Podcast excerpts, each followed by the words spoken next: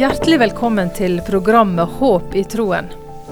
Det er ikke noen garanti for et lett liv å være en kristen. Eh, vi har vårt håp i Jesus, men vi kan oppleve ting i kristenlivet også som er vanskelig i forhold til trua. Sjelesorg kaller vi det gjerne når vi får hjelp til dette. For vi kan tvile både på oss sjøl og på Gud, og i dette programmet tar vi opp ulike ting og forklarer ulike begrep. Og så ønsker vi selvsagt mest av alt å gi hjelp til å holde fast på de sannhetene som, som Gud sier om seg sjøl i Bibelen, og som han sier om oss. Og I programmet vårt i dag skal vi snakke litt om eh, følelser og lyster som en kan kjenne på. Og det er du, Kåre Eidsvåg, som er med denne gangen også. Sist så snakka vi om synd og ting som kan plage fra fortida. Denne gangen så handler det om følelser som en kanskje tenker en ikke skal ha når en er Guds barn. Ja, mange blir overraska over seg sjøl når en blir en kristen.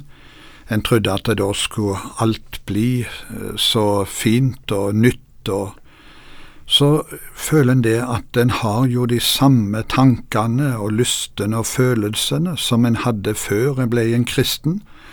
Og så spør en kan jeg være en kristen som har så mange ukristelige tanker og lyster og følelser? Det burde jo være borte alt dette. Så blir en kanskje i tvil og anfektelse, som vi sier over dette er det rett med meg når jeg har det sånn. Men da må jeg få si at en kristen, han har to naturer. Å bli en kristen, det er å bli født på nytt, står det i Bibelen. Jeg tenker på Johannes kapittel tre. Det er å bli født av Gud. Der er det fariseeren eh, Nikodemus som kommer, og som eh, har en del spørsmål til Jesus og da svarer Jesus, ingen kan sjå Guds rike uten han blir født på ny.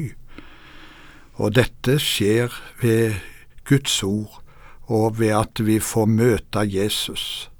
Og da er en en ny skapning. Om noen er i Kristus, så er han en ny skapning, det gamle er borte, sjå alt har vorte nytt, står det i andre Korinterbrev fem.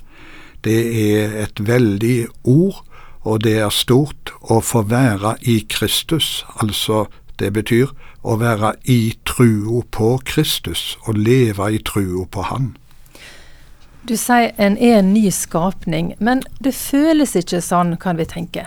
En kan ha vært kristen i mange tiår og fortsatt kjenne at den falne naturen, som du kaller det, stadig tar over. Ja, det kan en. Og Paulus han hadde det også på denne måten. Han eh, skriver til galaterne, altså Galaterbrevet 5 og vers 16 og 17.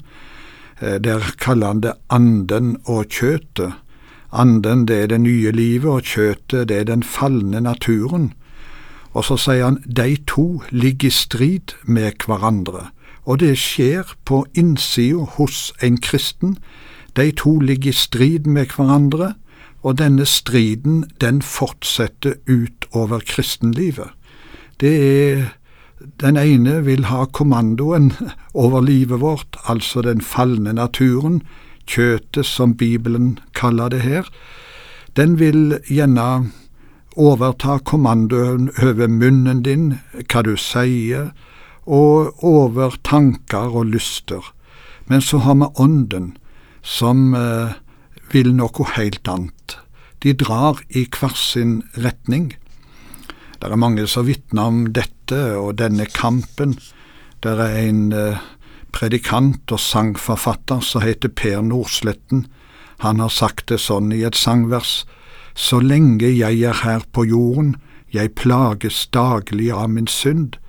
Jeg fattig var, er verre vorden, ser mer og mer av hjertets stund Dog får jeg være Jesu brud, og du forunderlige Gud.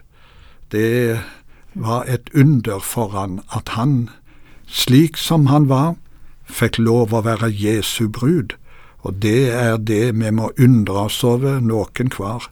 Ja. Han hadde sett noe i Guds ord, og, og hva sier Bibelen da, Kåre, om disse tingene her?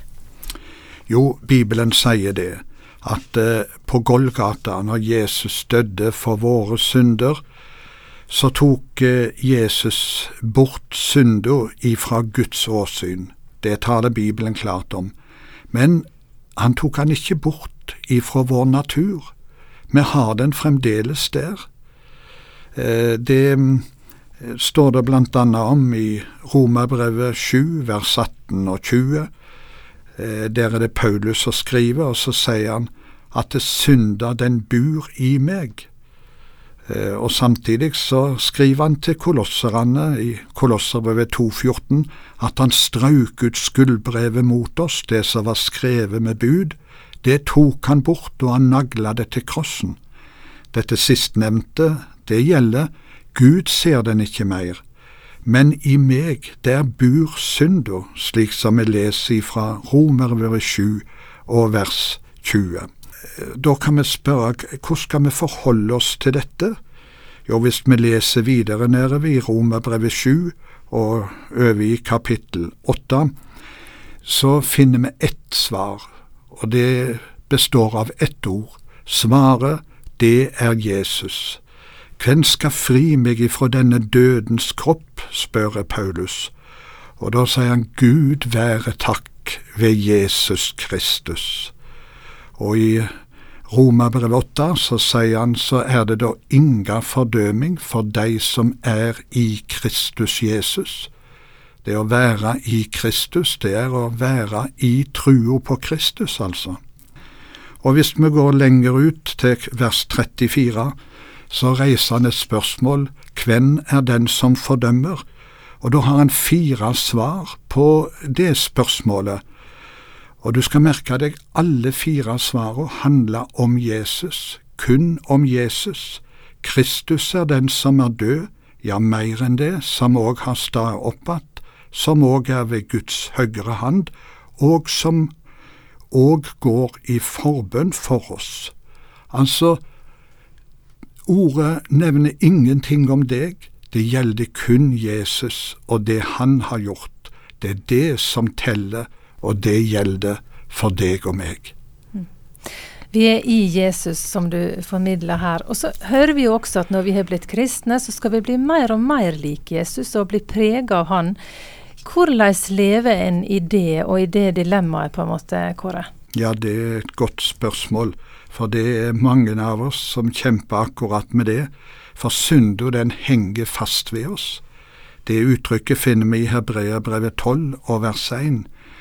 Og der står det videre, la oss derfor eh, legge av alt som tynger, og synder som henger så fast ved oss, med blikket festa på Jesus, han som er trua sin opphavsmann og fullender, står det der. Altså, der får vi ei god oppskrift på hvordan vi skal få legge av dette. Jo, det er å ha fokus rette veien, og det er ikke å sjå på oss sjøl, det er heller ikke å sjå rundt oss på verden og verdsligheten, det hjelper oss ingenting. Men det er å ha blikket festa på Jesus, for han er trua sin opphavsmann, det var der det begynte, ved at du fikk sjå Jesus. Og sånn skal det også fortsette i kristenlivet, heilt til vi blir henta herifra, så må vi ikke ta blikk ikke bort ifra Jesus, enten det er på deg sjøl eller andre ting, men har blikket festa på Jesus. Og sånn blir vi også mer og mer lik Jesus. Eh, en sangforfatter har sagt det sånn at se meget på Jesus, vil du bli ham lik. Vi blir prega gjerne av den vi omgås, og skal vi bli mer lik Jesus, så må vi omgås Jesus i ordet, i bønnen, i det kristne fellesskapet, om vi har anledning til det. Men vi må omgås Han. Vi har de, Hans ord, og vi må fylle oss med det og bruke det i livet vårt og feste blikket på det. Hold oss nær til Jesus, altså. Det er oppfordringa til de som lytter. Og så har du en eh, fin historie som handler litt om dette, som du kan dele til slutt, Kåre. Ja, det har jeg. Eh, Gustav Ballestad er kjent kanskje for noen av lytterne. Han døde i 1987, men han var eh, forkynner, vekkelsesforkynner, og han var generalsekretær i Det vestlandske Indremisjonsforbund, som det hette da. Det siste året så var han på en sykehjem, og han eh, hadde sine spørsmål han også, som kom mot slutten. Hvordan er det med meg? Er det nok dette som Jesus har gjort?